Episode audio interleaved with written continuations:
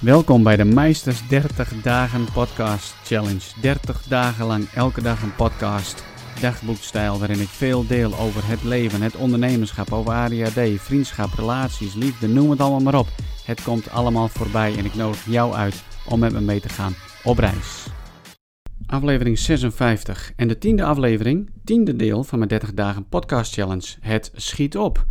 In de aflevering van vandaag gaan we het hebben over een hele bijzondere jongeman. Maar voordat we naar de aflevering gaan luisteren, zou ik jou willen vragen om mijn plezier te doen. Zou je in de iTunes Store een recensie kunnen achterlaten? Het is heel eenvoudig. Ga naar mijn podcast in de iTunes Store, druk en klik op recensies. Dan kun je een sterretje aankruisen hoeveel sterretjes mijn afleveringen waard vindt. En als je me helemaal gelukkig wil maken, schrijf dan even een recensie in het vakje daaronder. Alvast heel erg bedankt daarvoor en ik zou graag van je willen horen op contact.williammeister.nl Engeland, 12 februari 1809. Een kind werd geboren, een jongen. Zijn vader, een succesvolle en rijke arts met zijn eigen praktijk. Het jongetje werd geboren en zijn vader zat al vol met verwachtingen. Eigenlijk had deze vader het toekomstplaatje van deze jongen, zijn jongste zoon, al helemaal ingevuld. Naarmate de jaren vorderden, kwam deze vader er al achter: deze zoon is anders. Deze gaat zijn eigen weg en hij had er moeite mee. Hij deed zijn best om zijn zoon bij te sturen en dat begon al vanaf jonge leeftijd. Maar deze zoon was anders. Hij ging naar school en in tegenstelling tot zijn vader en zijn oudere broer kon hij de vakken zoals Latijn, Grieks en wiskunde en dat soort vakken, waar zijn vader in uitblonk, kon hij eigenlijk helemaal niet. Nou, het was niet zo dat hij het niet echt kon. Eigenlijk had hij er gewoon geen zin in. Hij zag gewoon het nut er niet van in om in een klaslokaal te gaan zitten en alles maar vanuit boeken te gaan leren. Terwijl buiten, buiten daar lonkt het avontuur. Daar waren de dieren, daar waren de planten. Daar voelde hij zich happy, daar voelde hij zich gelukkig. Dus iedere keer als deze jongeman vrij was, ging hij naar buiten. Uren en uren kon hij doorbrengen in de natuur.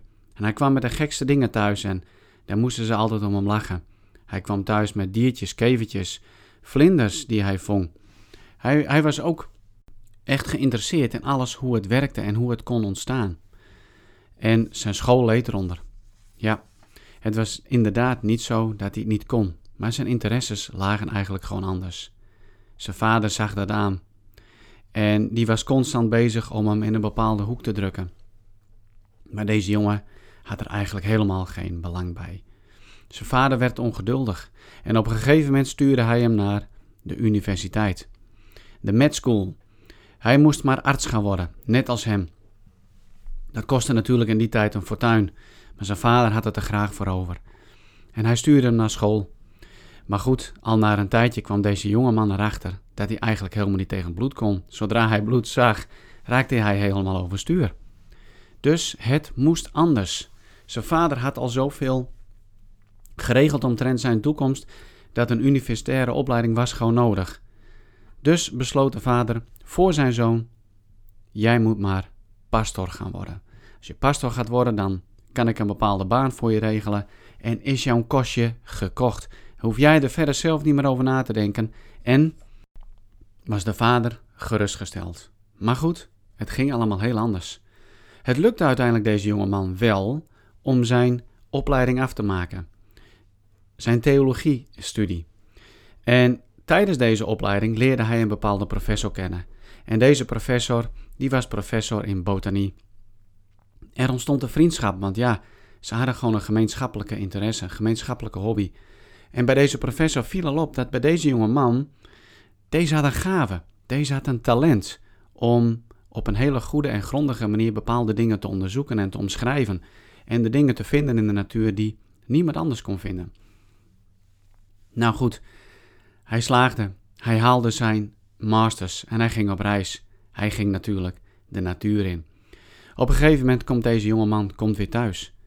En zijn vader die wil hem steeds meer en meer een bepaalde kant op drukken, maar hij wil niet.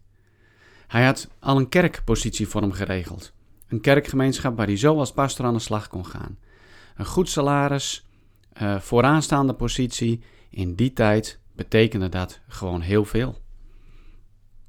Maar net in die periode kreeg hij via via die professor een fantastisch mooi aanbod. Nou goed, fantastisch en best wel een hele heftige aanbod.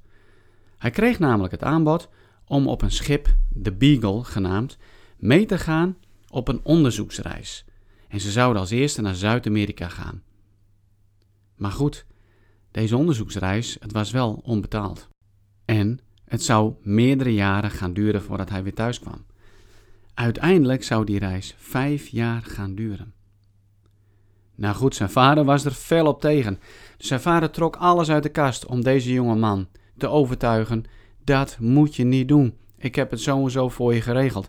Het was zo overduidelijk dat deze vader zoveel verwachtingen had voor zijn zoon. Zo weinig ruimte overliet voor zijn zoon. En hij poeste maar en hij poeste maar. Dus uiteindelijk zei deze jongeman: Nee, ik ga niet mee. Ik heb iets anders. Nadat hij nee had gezegd, ging hij erover nadenken wat het allemaal voor hem zou kunnen betekenen als hij wel meeging op reis. Hij ging gebruik maken van zijn verbeeldingskracht. Hij ging zich al voorstellen over al de dingen die hij zou ontdekken, het avontuur wat lonkte. En hij merkte dat het wat met hem deed van binnen. Hij werd maar alsmaar blijer en hij kreeg energie en enzovoort. En het duurde niet lang, naarmate hij er zeg maar over droomde, erover visualiseerde dat hij de beslissing nam. Hartstikke mooi pa, wat je allemaal voor me hebt geregeld, maar ik ga. Dit is iets wat ik moet doen. Dus hij gaat tegen de wensen en verwachtingen van zijn vader in. En hij gaat naar de Beagle. En wat kreeg hij spijt? Wat kreeg hij in het begin toch een spijt? Want hij had ongelooflijk veel last van zeeziekte. Hij had een kapitein die ontzettend opvliegerig was en het ene moment aardig was en het andere moment gewoon heel erg boos. Hij had een zwak gestel, zoals hij dat over zichzelf zei.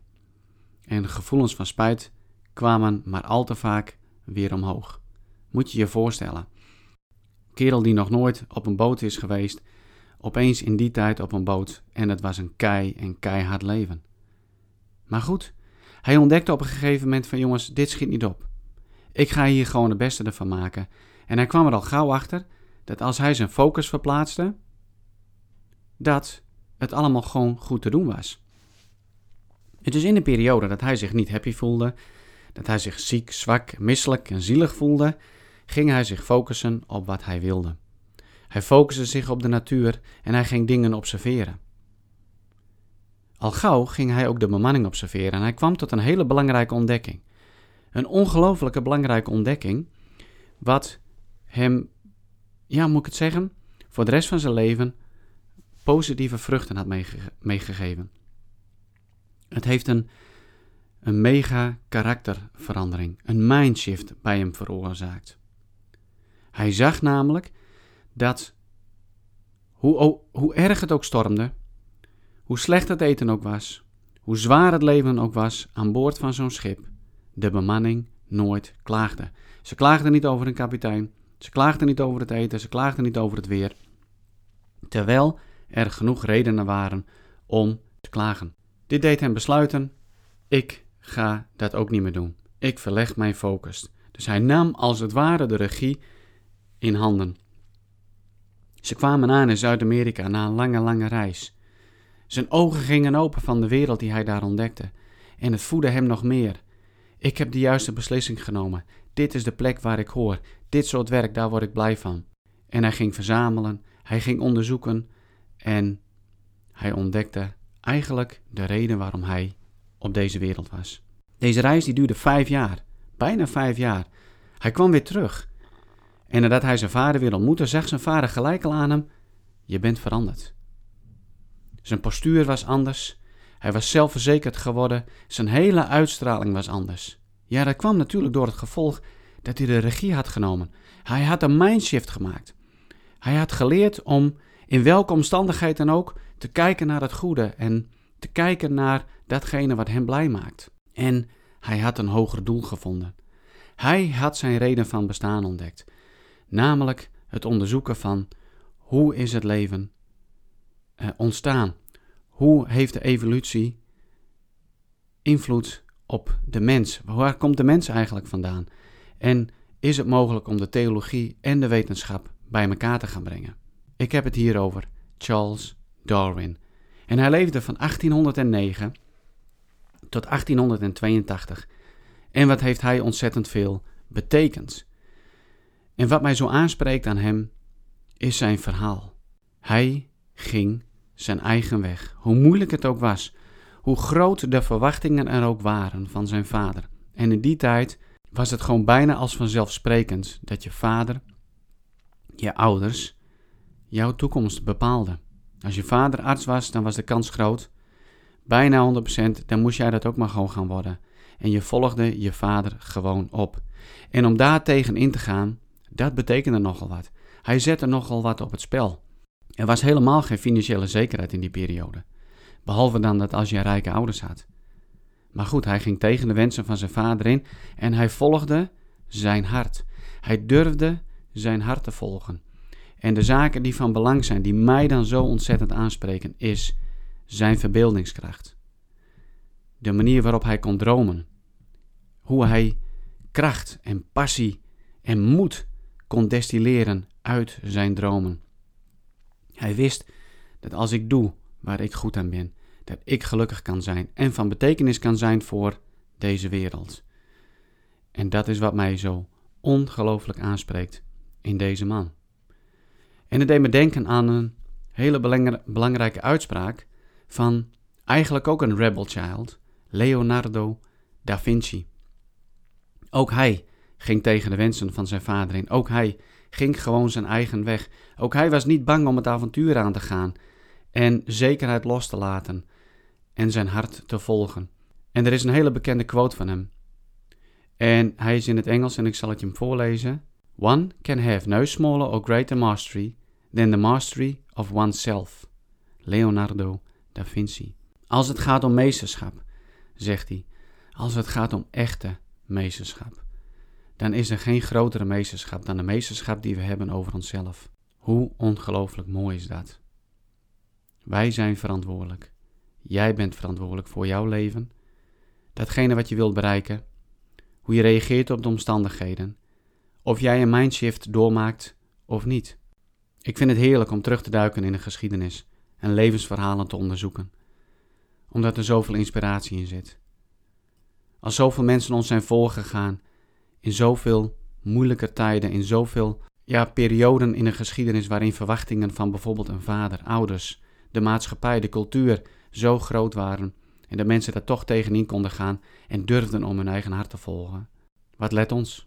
In ieder geval hebben we toch meer vrijheid om onze eigen weg te kiezen? Dat is mijn vraag aan jou. Denk er eens over na. In hoeverre leef je vrij? In hoeverre doe jij datgene wat je eigenlijk echt wil doen? En kan het zo zijn dat je misschien een leven leidt, een onderneming leidt, die voldoet aan de verwachting van anderen? Bedankt voor het luisteren. Heel veel succes. Tot morgen.